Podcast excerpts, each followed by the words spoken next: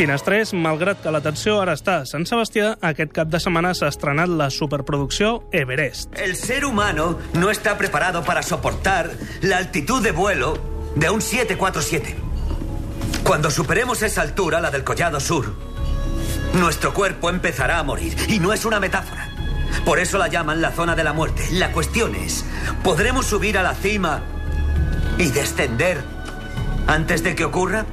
Un film d'aventures i catastrofista a la vegada, semibasat en fets reals d'uns expedicionaris que van intentar arribar a dalt del pic més alt del món.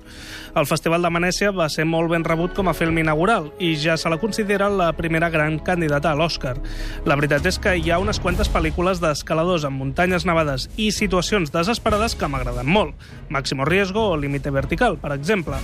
Però pel tema de la història real i per la seva transcendència més enllà del simple entreteniment, avui dediquem a Viven de l'any 93... La dada de la finestra. ¿Tú qué opinas, Tintín? Debemos comer. Si lo hacemos, jamás volveremos a ser los mismos. Es como la comunión. Su muerte nos da la vida. La gente lo A la vida real, l'avió va estavellar-se el divendres 13 d'octubre del 1972. No fa falta recordar que pels americans el divendres 13 és el dia de la mala sort. Nando Parrado, el noi al que donava vida a Ethan Hawke, va ser assessor tècnic de la pel·lícula.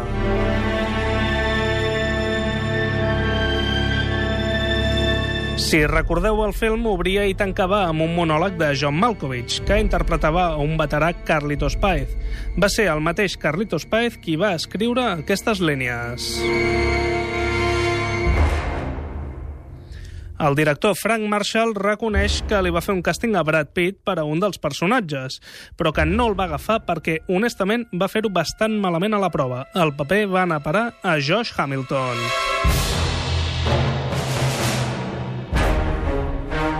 El film es va rodar cronològicament, fet bastant estrany en superproduccions d'aquest nivell.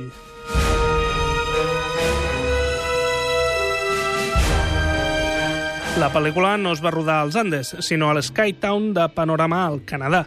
Necessitaven fins a 5 helicòpters per transportar tot l'equip de rodatge cada matí.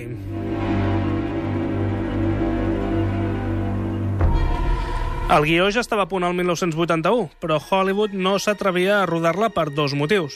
Primer, el canibalisme, i segon, la proximitat d'una versió mexicana de la mateixa història titulada Supervivientes de los Andes de l'any 76.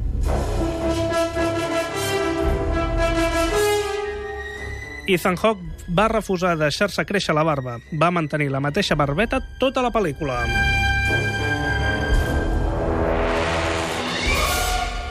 En el film, l'arribada dels helicòpters rescatadors agafa per sorpresa els protagonistes.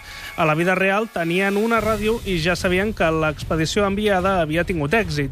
Es van preparar amb les millors robes possibles i fins i tot es van rentar les dents i el cabell per rebre'ls.